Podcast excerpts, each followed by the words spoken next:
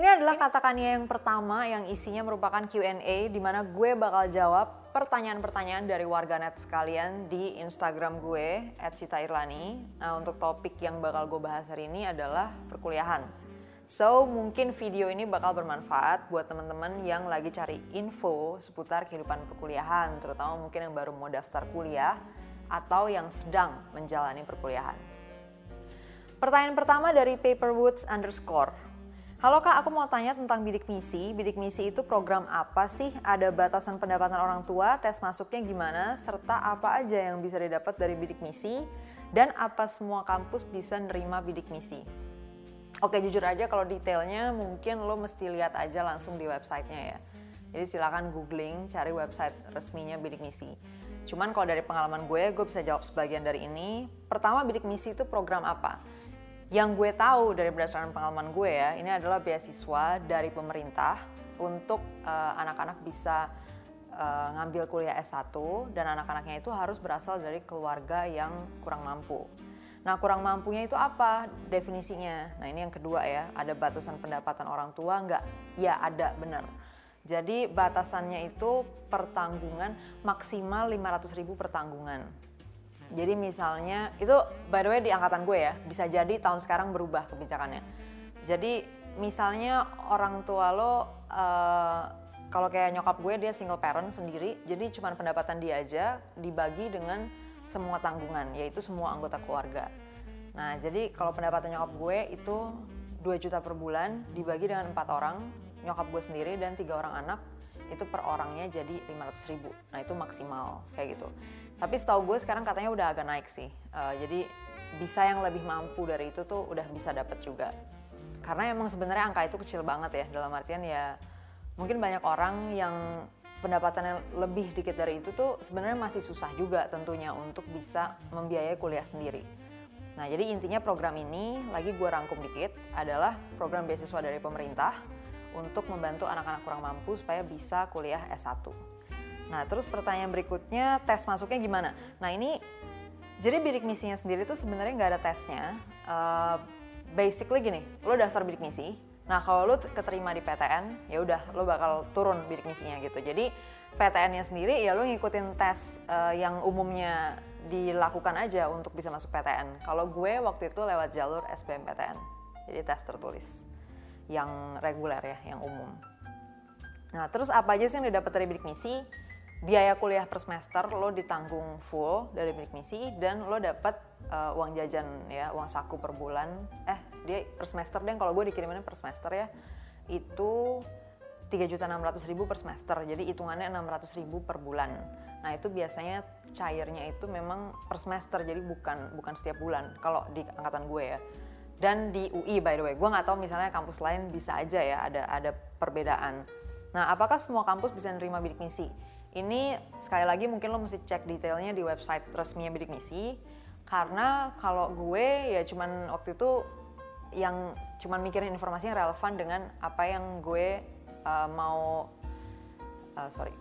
Gue cuman ngambil informasi yang relevan dengan kebutuhan gue kan. Yang di mana pada saat itu gue intinya mau masuk PTN jadi kebetulan ya bidik misi bisa dipakai untuk PTN gitu. Tapi gue nggak tahu karena ada beberapa teman gue yang di PTS juga ternyata bisa dapat bidik misi. Nah itu uh, gue nggak tahu kebijakan resminya tuh sebetulnya kayak gimana sih detailnya itu. Nah lo mesti cek di website resminya bidik misi. Nah itu untuk pertanyaan pertama. Pertanyaan berikutnya dari ui.gabut.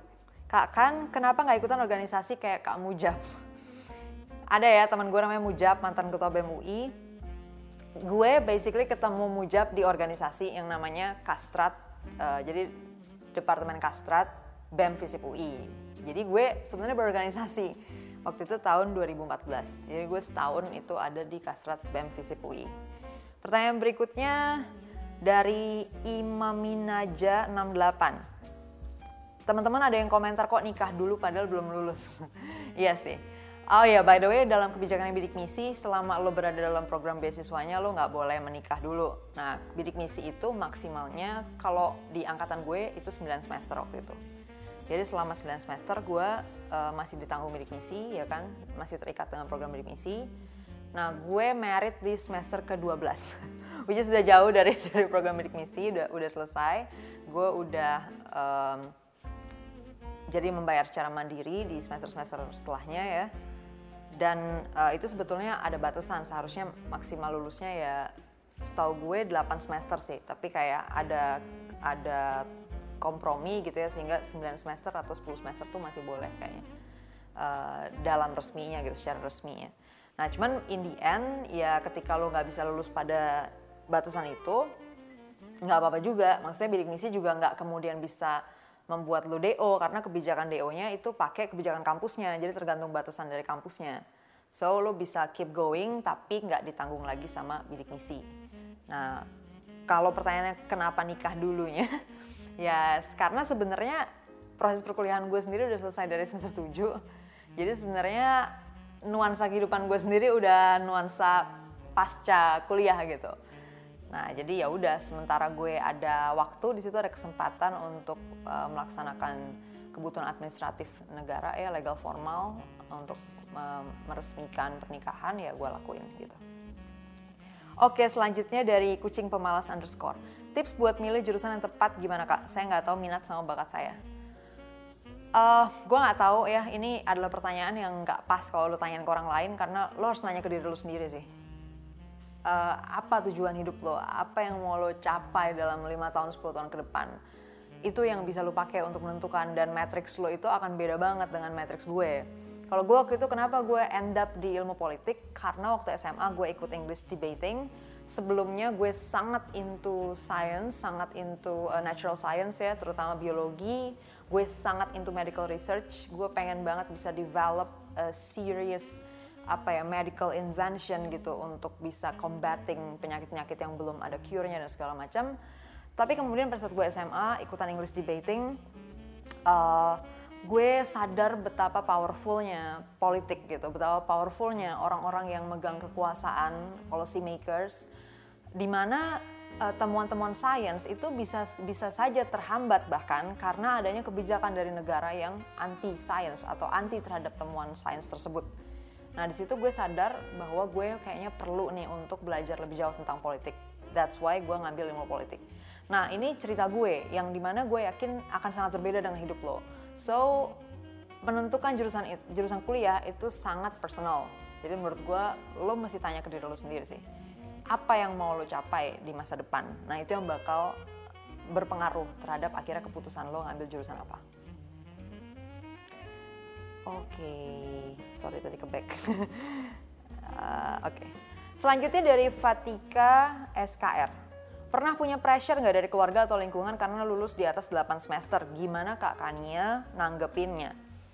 Jujur aja keluarga gue adalah nyokap gue ya by the way. Jadi di keluarga gue tuh uh, penguasanya ya, presidennya itu nyokap gue gitu. Nah nyokap gue adalah tipe orang yang uh, sangat menghormati keputusan orang dewasa. Jadi ketika gue sudah berusia dewasa, ya beliau sepenuhnya membiarkan gue menentukan pilihan hidup gue sendiri. Jadi nggak pernah ada maksudnya pressure yang gimana-gimana ya. Tapi pastilah kalau nyokap gue ngasih tahu ekspektasinya dia ya pasti ada ya momen-momen di mana dia nanyain kayak kapan nih kamu lulusnya, kenapa belum lulus kayak gitu. Tapi nggak dengan cara yang maksudnya pressure yang gimana banget sih. Nah cuman kalau pressure untuk lulus yes, karena Uh, kalau gue sebenarnya secara pribadi juga dapat pressure dari beasiswa ya, karena gue anak beasiswa, gue juga punya tanggung jawab moral untuk menyelesaikan apa yang gue mulai. Nah tapi keluarga gue dalam dalam hal ini nyokap gue juga memberikan tekanan yang luar biasa untuk lo harus kelar ya gitu lo nggak boleh sampai do gitu. Tapi kalau untuk jumlah semesternya sendiri sih sebenarnya dia kayak lebih ya udah gitu probably that's that's apa ya pertimbangan gue sendiri untuk lulus kapan kayak gitu jadi jarang sih ada pressure yang terlalu gimana banget dari nyokap gue soal itu. Next dari Hana Ivanaya, semasa kuliah ikut organisasi apa aja kak? Nah itu tadi gue udah sempat nyebut gue ikutan kastrat di BEM Visip UI 2014.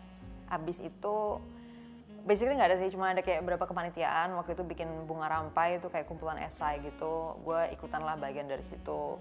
Kemudian gue karena gue pemain piano, jadi gue terlibat dalam vokal group uh, fakultas untuk UI Art War kayak gitu sih mostly nggak ada yang abis itu gue nggak ada lagi yang kayak misalnya BEM UI itu gue kayak gitu nggak ada jadi mungkin organisasi yang gedenya ya cuman itu doang Departemen Kastrat BEM Visip UI 2014 Next dari Iyusuke underscore, kok cantik sih? Oke, ini gue nggak bisa jawab.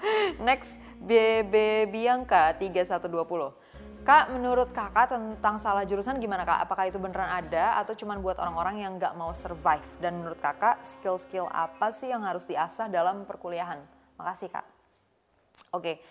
uh, eh, salah jurusan sih menurut gue bisa saja ya memang ada ya. Maksudnya dalam artian ya orang itu mungkin ngerasa salah langkah gitu Uh, dan dan itu nggak ada hubungan dengan survival sih menurut gue bahkan ketika pun orang itu lulus dari suatu jurusan pun bisa aja dia sebenarnya salah jurusan gitu jadi uh, bahkan ya kadang nggak nggak berarti lo DO gitu atau lo nggak bisa menyelesaikan itu bahkan ketika lo selesai dengan IPK luar biasa tinggi 3,9 4,0 kalau emang ternyata sebenarnya itu bukan passion lo dan lo akhirnya nggak bisa melakukan apa-apa juga out of the apa ya knowledge yang udah lo dapat dari perkuliahan itu ya itu sebenarnya lo tandanya ya salah jurusan sih gitu. Jadi nggak ada hubungannya dengan apakah orang itu nggak survive atau nggak mau survive.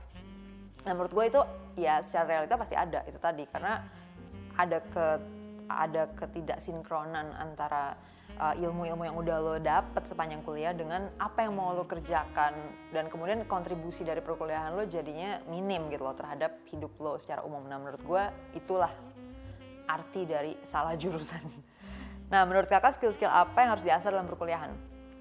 uh, sebenarnya bukan dalam perkuliahan per se ya, tapi dalam proses pendidikan dengan bentuk apa pun, mau lo kuliah, mau lo kursus doang, mau lo uh, ngambil apa ya kelas-kelas online atau lo baca artikel bahkan ya di di website gitu, itu kan semua sebenarnya proses pendidikan lah, proses belajar. Yang perlu diasah ya pertama-tama sebenarnya thinking skill yang dasar ya kayak misalnya kemampuan berlogika dasar, kemampuan matematika dasar, kemampuan quantitative reasoning, kemampuan uh, connecting the dots gitu ya melihat konsekuensi dari variabel yang terlibat dalam suatu fenomena atau atau suatu peristiwa kayak gitu.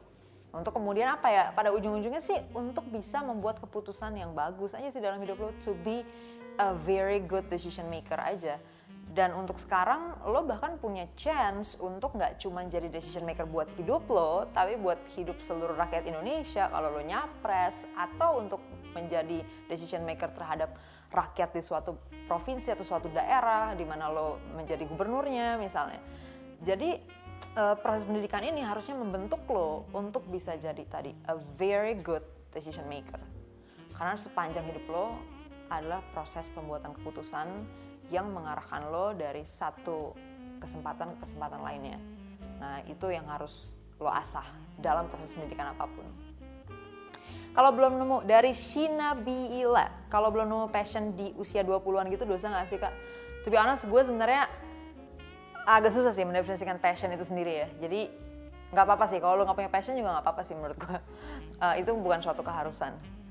Oke, okay, next dari Tian 0321. Gue juga alumnus bidik misi, gue mau tanya seputar kejanggalan uang saku yang diterima sama mahasiswa universitas gue. Dari yang gue baca di internet, uang saku yang diterima adalah bersih 6 juta per semester. Oke, sampai sini aja gue udah nggak bisa relate. Karena gue dapet 3,6 juta per semester dari awal. Dan gue nggak tahu informasi yang 6 juta per semester ini dari mana. So, I think you should research more on that. Dan mungkin gue juga should research more on that, karena gue nggak tahu to be honest gue nggak tahu angka 6 juta per semester itu bener atau enggak dan seterusnya itu ya karena gue cuma tahu yang 3,6 juta per semester silakan kalau ada teman-teman yang lain mau cross checking ke website atau ke pernyataan-pernyataan menteri mungkin yang pernah nyebut tentang itu silakan coba di cross check dan I'm gonna dig deeper kalau emang ada something yang harus diinvestigate next dari F12ED Dulu ikut organisasi apa aja waktu kuliah? Nah, itu udah dijawab ya. Next dari mau dilempar, matkul favorit. Hmm, pemikiran politik kontemporer, PPK. Diampu oleh Mbak Nuri Suseno dan Mas Daniel Hutagalung.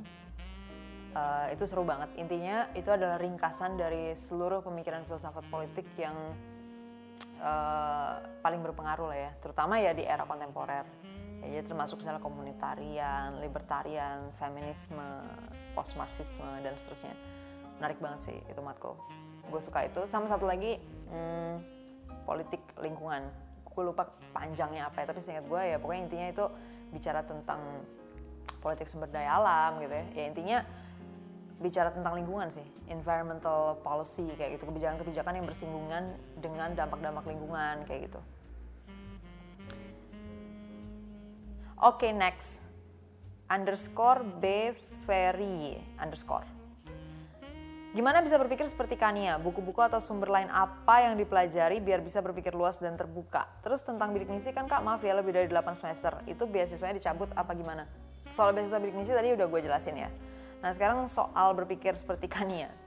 Uh, kalau dari pengalaman gue dan hasil dari gue mencoba uh, menelaah juga, jadi gue bertanya-tanya juga ke orang lain ya gue juga melakukan uh, dialog gitu dengan orang lain, tektokan untuk mencari tahu juga apa sih sebenarnya hal-hal yang membentuk pemikiran gue. Uh, jujur aja yang paling berpengaruh kalau di gue itu sebenarnya 5-6 tahun pertama. Ya 5-7 tahun pertama lah hidup gue. Jadi uh, setelah itu ya dari SD, SMP, SMA, kuliah itu sebenarnya hmm, perubahan-perubahan dalam pemikiran gue tuh nggak signifikan sih. Maksudnya dalam artian hmm, gue tetap dengan framework yang sama dari kecil uh, framework scientific reasoning yang empiris, yang yang uh, berbasis data-data yang terukur, objektif dan seterusnya. Karena gue terbentuk dari buku-buku uh, yang yang menanamkan atau membentuk lah ya um, scientific reasoning itu dalam pola pikir gue gitu. Waktu itu gue udah pernah sebut juga ensiklopedia Widya Wiyata. Gue nggak tahu seri yang sekarang kayak gimana, tapi seri yang gue baca adalah seri di mana di dalam buku itu lo bisa belajar scientific method. Dan itu gue baca dari umur 4 tahun 3-4 tahun lah. Jadi itu yang paling membentuk sebenarnya pola pikir gue. Nah setelah itu sisanya tuh sebetulnya tinggal eksplorasi data-data yang ada aja sih. Jadi informasi tentang ya data-data empiris aja tentang sejarah tentang bagaimana dunia ini bekerja tentang ekonomi politik dan sebagainya. Dan gue tinggal masukin ke dalam framework yang gue udah punya dari kecil gitu. Gitu sih. Nah kalau lo tanya buku-buku atau sumber lain apa yang dipelajari biar bisa berpikir luas dan terbuka jujur aja berpikir luas dan terbuka itu nggak menurut gue nggak dibentuk dari buku sih. Justru gue udah berpikir luas dan terbuka dulu untuk bisa baca buku-buku itu semua. Karena what's the point gue baca buku-buku itu kan? Kalau gue nggak punya curiosity atau rasa penasaran untuk baca berbagai macam buku itu in the first place. Nah justru karena pemikiran gue dari awalnya adalah scientific reasoning di mana untuk bikin kesimpulan lo butuh banyak data banyak informasi. Dari situlah baru gue jadi terdorong untuk baca macam-macam itu gitu. Jadi terbalik gitu ya menurut gue uh, logikanya. Kalau di gue ya justru gue udah punya pola pikir kayak gitu dulu baru gue baca macam-macam buku. Dan itu ya banyak sih gue udah sering kasih rekomendasi bisa cek di highlight Instagram gue. Next dari Raudikma tolong dong kak tips hematnya gimana biar tiap hari makan bener-bener butuh tips nih. Oke okay. pasti buat teman-teman bidik misi nih susah banget ya untuk uh, manage uang yang uh, kadang turunnya juga nggak pasti banget tanggalnya dan terbatas banget sebenarnya kan uangnya Nah kalau gue, waktu itu gue kuliah sambil kerja dari awal. Gue ngajar piano, gue ngajar bahasa Inggris, gue ngajar matematika. Uh, dan uh, gue main piano buat kayak wedding, ulang tahun, bla bla. Gue intinya serabutan loh, whatever yang bisa earn something, gue kayaknya gue kerjain sih. Uh, nah, jadi uang buat bidik misi itu gue nggak pakai untuk kebutuhan sehari-hari, jujur aja ya. Jadi kebutuhan sehari-harinya tuh gue cover dengan hasil uang kerja gue. Nah, uang bidik misi gue pakai buat apa? Uang bidik misi gue pakai buat beli uh, buat buat capital expense. Uh, jadi capital expenses tuh buat beli barang-barang yang bisa jadi modal. Misalnya beli laptop, beli handphone yang benar gitu. Nah itu kan bisa jadi modal untuk lo kerja lagi. Misalnya lo, kalau gue waktu itu misalnya buat nulis serabutan di media-media online. Nah itu ngumpulin duit dari situ. Nah kan untuk bisa ngetik yang enak, nah lo perlu laptop yang enak lah gitu. Nah itu jadi duit-duit bidik misi kan dikasihnya per semester, makanya gede-gede kan. Nah duit itu bisa langsung gue beliin buat barang-barang capital kayak gitu. Nah sisanya untuk sehari-hari makan tuh gue ambil dari kerjaan gue. Nah sekarang gimana caranya biar hemat? Ya emang harus dijatahin sih.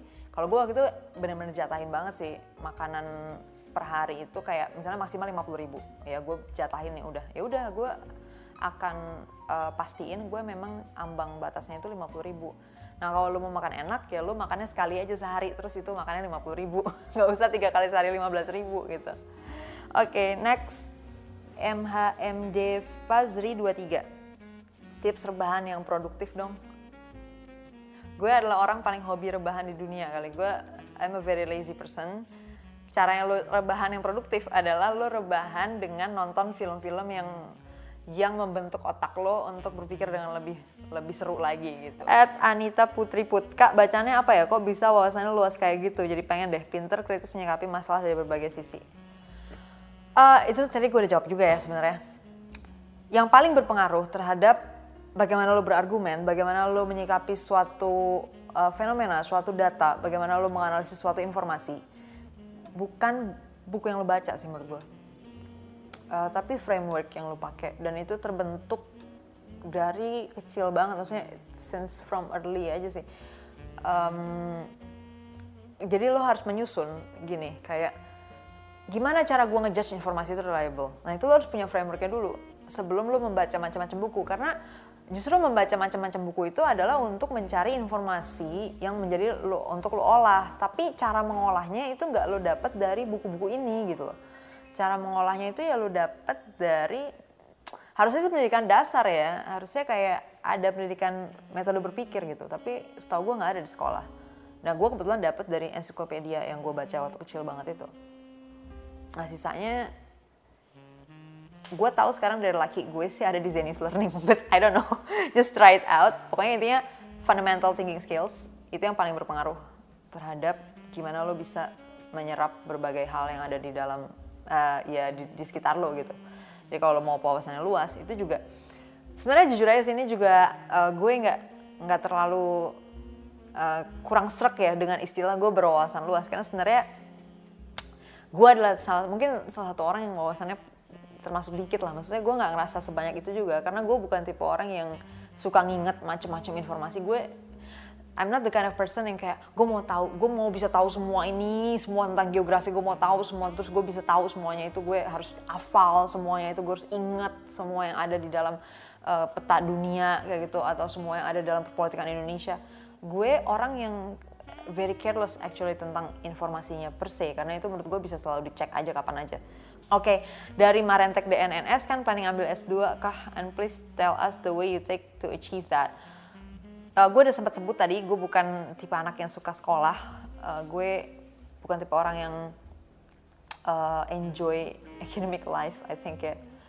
Uh, gue adalah, gue menikmati karya-karya akademik orang, gue menikmati kerja-kerja akademik orang, dan gue sangat respect itu semua tapi kayaknya gue bukan bukan uh, orang yang cocok untuk melakukan itu jadi gue lebih sebagai audience saya gue penikmat aja ya gue nggak ada gue belum ada sih minat untuk kayak having an, a serious academic career aja lanjut ke S2 lanjut lagi dan seterusnya gitu. So so far nggak ada. And then underscore underscore underscore teduh ada keinginan buat lanjut studi lagi nggak? Udah dijawab. Selain tertarik sama berhubungan dengan politik kira-kira kakak sudah suka bidang apa aja? Nah, tadi gue sempat sebut, gue suka biologi, gue suka matematika, gue suka ekonomi, hukum, obviously itu sebenarnya bagian dari politik sih. Uh, dan uh, belakangan ya gue tertarik banget dengan antropologi dan neuroscience. That's it. Next dari Nando Purba underscore, kenapa harus fisip, kenapa nggak FK atau teknik? Udah kejawab ya tadi, gimana caranya gue tertarik ke ilmu politik. Uh, next dari Macarani, kenapa akhirnya memilih untuk menyelesaikan studi kak? Uh, pertama gue punya tanggung jawab moral sebagai penerima beasiswa ya. Gue kuliah dibayarin sama pembayar pajak, which sama lo semua, sama korporasi-korporasi yang bayar pajak. Uh, ya basically semua elemen masyarakat di Indonesia Raya ini patungan untuk bayarin kuliah gue. So gue ada tanggung jawab untuk menyelesaikan apa yang gue mulai. Itu satu. Yang kedua, gue ada tanggung jawab ke nyokap gue. Karena uh, nyokap gue sebenarnya yang lebih uh, apa ya punya ekspektasi untuk gue punya gelar gitu karena nyokap gue nggak punya gelar nyokap gue nggak nyampe ke pendidikan tinggi dan itu adalah pencapaian tersendiri buat beliau uh, yang udah dengan segala kerja kerasnya uh, mengantar gue sampai ke sini gitu. Oke okay, that's it. Terus Risa Deninta di tengah semester antara semester 45 pernah ngerasa down nggak sama kemampuan sendiri untuk dunia kerja? Nggak pernah. Gue pede banget sih orangnya. Jujur nggak pernah.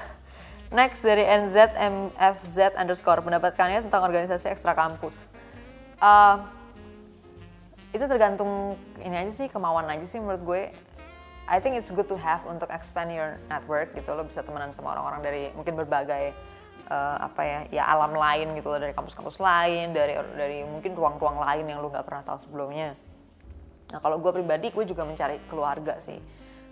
Gue uh, gue tipe orang yang suka berpikir gitu kan. Terus gue butuh orang, butuh komunitas yang bisa challenging pikiran-pikiran gue.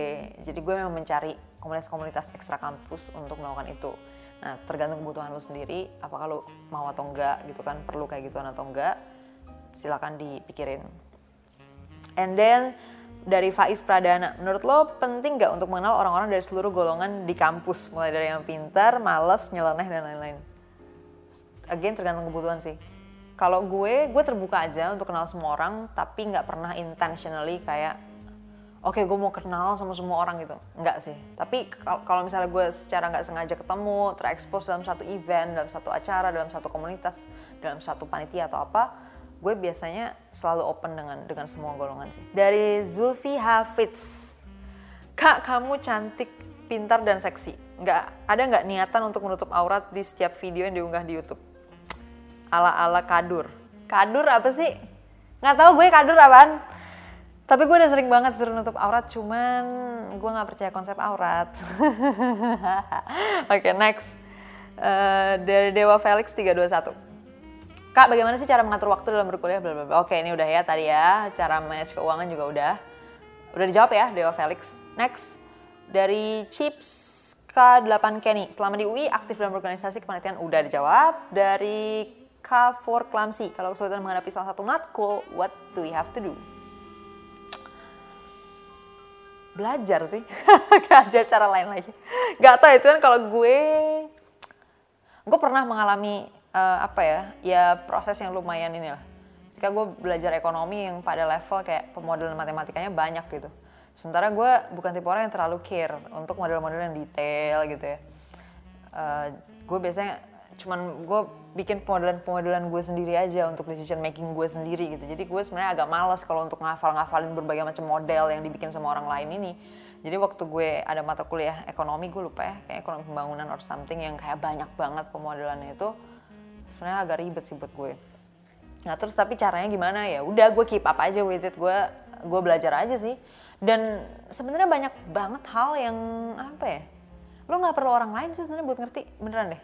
Kayak you just think aja sih about it kayak lo buka bukunya lo lihat di situ biasanya ada contoh-contoh and then lo pahamin aja dari situ that's it Zahra Fanir Halo kak Kania, gue maba dan jujur kaget banget pas tahu lo itu UI. Tahu gitu gue minta foto bareng. Pertanyaan gue adalah gimana sih ceritanya lo bisa nulis dan jadi di Geolife? Oke, okay. this is really funny. Perjalanan lo dari maba gitu. Wow, ini bisa panjang banget ya. Cuman gue singkat aja deh. Uh, pokoknya ceritanya gue pertamanya nulis-nulis, ngirim ke Geo Times. Tadi gue udah sempat cerita, salah satu cara gue nyari duit supaya gue bisa tetap hidup adalah gue ngirim-ngirim tulisan ke beberapa media online, salah satunya Geo Times. Waktu itu Arman Dhani editornya dan dia yang ngundang lo mau nggak nulis? gitu. Akhirnya gue nulis. Dan kemudian mungkin tulisan gue mungkin dianggap ya cukup berkualitas sampai akhirnya gue diundang untuk jadi editor gitu nah itu di semester sorry itu tahun 2016 no 2015 I think ya. 2015 awal deh kayaknya. 16 17 19 2019 eh enggak dong ya 2016 awal. Aduh anjir gue lupa. Pokoknya sekitar itu. Uh, eh, gue jadi editor. Terus beberapa bulan kemudian uh, ternyata Geotimes itu punya channel YouTube yang eh, nggak uh, ter, terurus lah gitu ya. Yaitu GeoLife ID ini. Waktu itu subscribersnya kayak 1800 gitu and then uh, gue diminta coba kelola.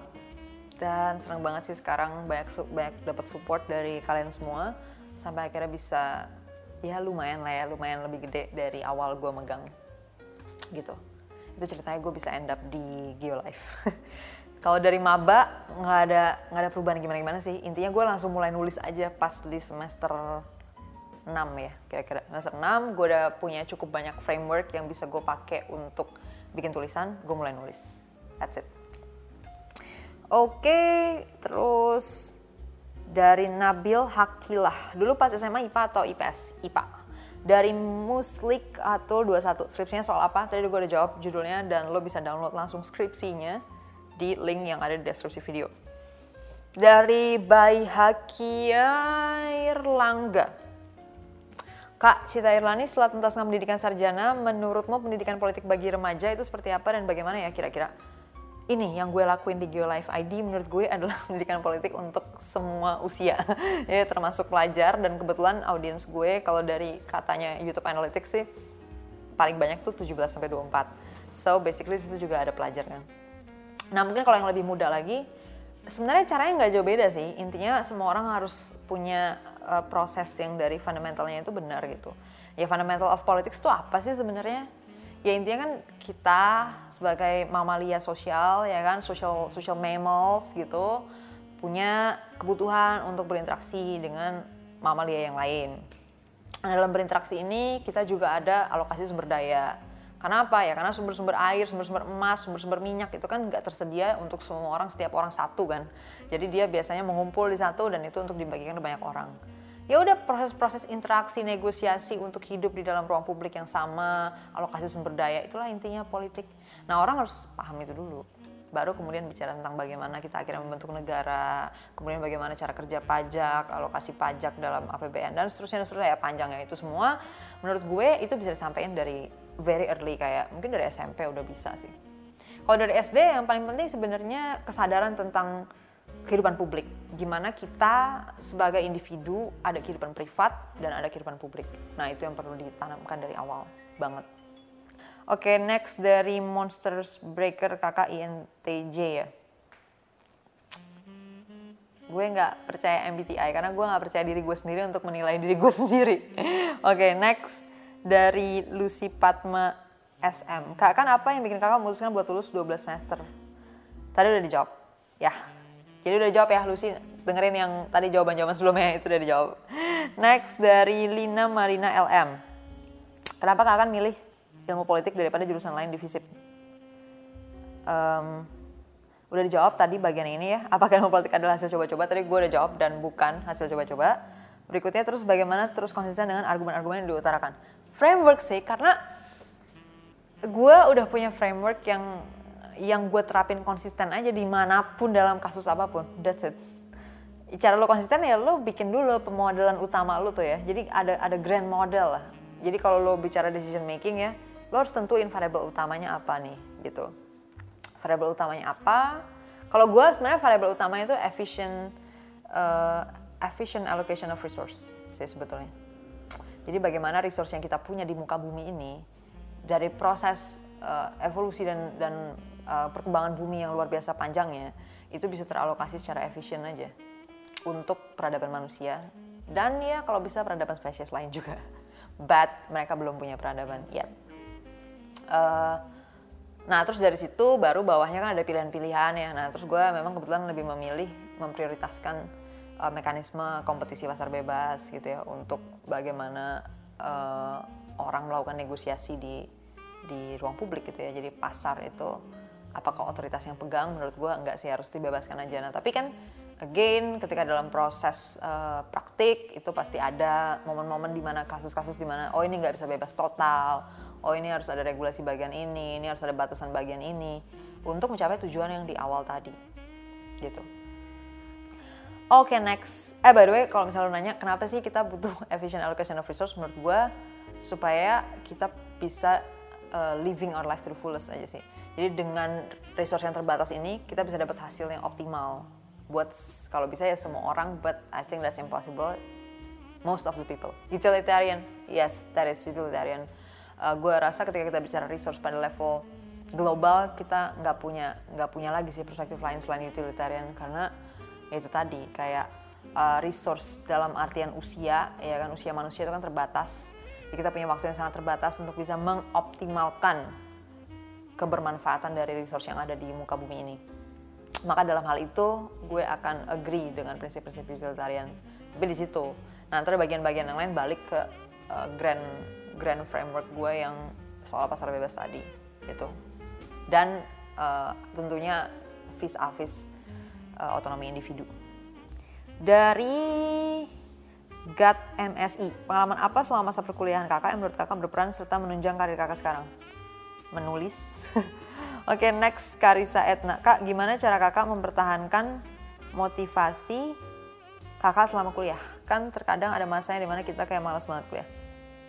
Gue kalau lagi malas ya udah sih malas aja. Gue hmm, gue orang yang primitif banget sih. Maksudnya I'm a, apa ya? I'm a mammal aja sih. Gue lebih sering condong ke primitif urges gue condong ke dorongan-dorongan primitif gue kalau gue malas ya udah I'm just gonna follow my males gitu gue bukan tipe orang yang bisa kayak self control gue males oke okay, ayo ayo ayo motivasi cari motivasi biar rajin gitu gue kayak enggak sih gue ngikutin aja kalau gue malas ya udah gue malas aja dulu and then sampai sampai uh, periode malas itu lewat gitu udah gitu aja sih dari Ade Miftahul Far. Aku percaya bahwa Mbak Kania bukanlah manusia yang kaleng-kaleng. Kalau difokusin ngejar cum pasti Mbak Kania dapat cum. Nah pertanyaannya, kenapa Mbak Kania milih kuliah 12 semester? Kenapa nggak kayak orang lain yang buru-buru pengen cepat lulus dan ngejar laude? Hmm, oh iya, by the way laude tuh soalnya ditentuin sama banyaknya semester. Maksimal tuh 8 semester. Jadi tadi yang gue sebutin kan kenapa sih itu penting banget di academic career, karena salah satunya gelar laude itu bisa nggak dapat kalau lo lebih dari 8 semester. Nah jadi kalau itu penting banget buat lo, itu mesti lo usahain sih.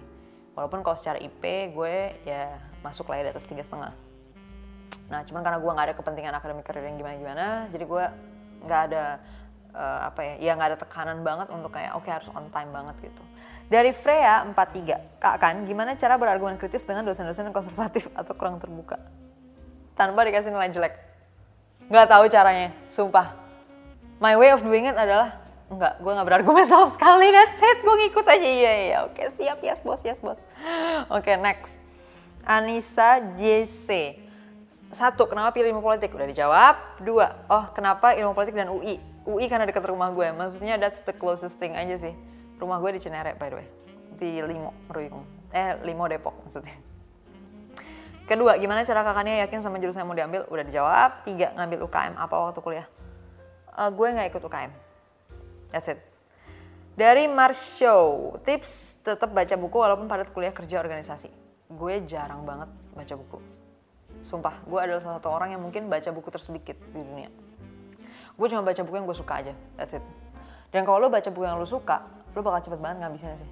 Karena lo udah tahu framework dari argumen yang mau lo lihat dari suatu buku itu udah kelihatan gitu loh. Ketika lo lihat dasar isi, apa yang mau lo cari oke okay, ini dia yang mau lo cari udah that's it lo bakal cepet banget following through the whole book karena lo udah tahu frameworknya kira-kira argumen ini ini. Dan yang lo butuhin adalah data empirisnya yang lo butuhin apa. Lo udah tahu apa yang mau lo cari dari suatu buku. Sehingga gue kalau baca buku sebenarnya nggak butuh waktu terlalu banyak. Cuman again gue cuma baca buku yang gue mau doang. Jadi gue sebenarnya sangat sedikit baca buku. Jadi nggak pas kalau nanya ke gue mungkin tanya sama orang-orang lain yang lebih banyak baca buku. Next dari Ridwan Fahmi 4609 Kak, kakak skripsinya tentang apa? Udah dijawab. Saya anak hukum tingkat 3, Kak. Doain supaya lancar ya. Kalau mau lancar, kerjakan. Fokus, kerjakan. Udah, nggak ada lagi yang lain. Next, Harum Nurin. Dari Harum Nurin. Apa makna skripsi dan apa pentingnya nyelesain skripsi? Padahal kerjaan kakak udah menjamin. Tadi gue udah jawab kenapa gue harus nyelesain kuliah gue.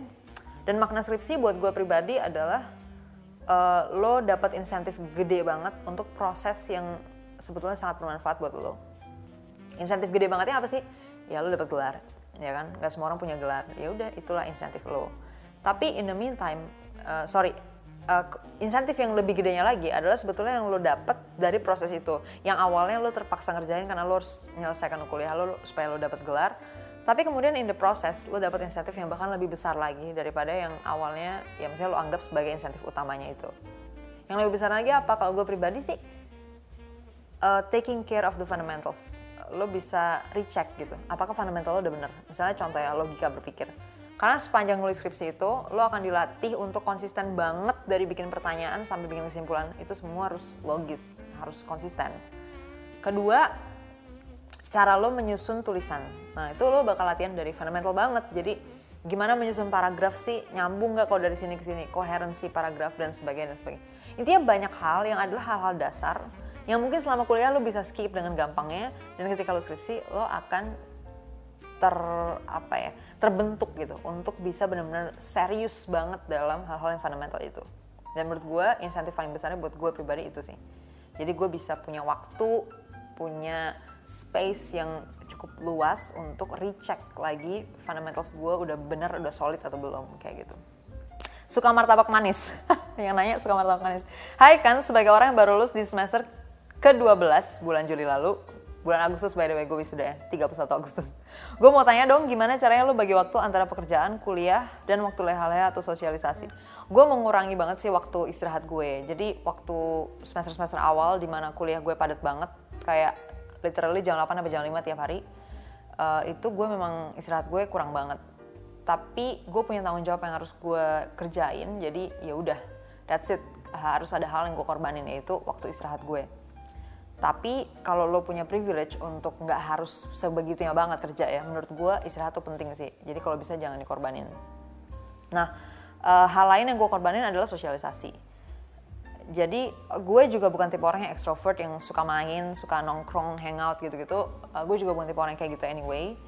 Uh, gue adalah orang yang suka stay di kamar gue, nonton Netflix atau baca sesuatu yang gue suka. That's it, nulis gitu. Gue gue bukan tipe orang yang uh, ya suka hanging around anyway gitu bareng orang-orang banyak gitu ya sosialisasi gitu. Jadi gue nggak banyak lakuin itu. To be honest, gue jarang banget ada di acara kampus, acara pensi, or whatever yang yang mungkin teman-teman yang lain yang lebih extrovert extrovert mungkin uh, suka ke acara-acara itu. Gue gue emang enggak itu ya. Jadi gue nggak sosialisasi dan gue dikit banget waktu istirahatnya. Nah dari yang tersisa itu gue bagi sih dengan dengan serius berapa jam yang bisa gue pakai untuk kerja nah kalau waktu kuliahnya sendiri most of the time uh, gue manfaatin semaksimal mungkin. Gue lebih suka padetin juga perkuliahannya. Makanya gue bisa selesai semua kelas itu sebenarnya di semester 6 ya. Semester 7 tuh udah dikit banget kelas gue karena gue selalu seoptimal mungkin kalau bisa full aja terus gitu tiap semester. Oke okay, that's it katakannya Q&A kali ini tentang perkuliahan. Gue tahu masih ada beberapa pertanyaan tapi benar-benar dikit banget yang gue belum jawab deh kayaknya. But there are 200 something questions jadi sorry banget kalau semuanya nggak terjawab but gue harap dari yang udah gue jawab bisa bermanfaat buat teman-teman semua Thank you for watching. That's it katakannya Q&A kali ini. Jangan lupa subscribe, like, dan komen di comment section below.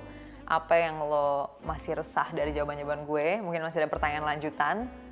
Mungkin aja bisa gue jawab via komen YouTube ya. Oke. Okay.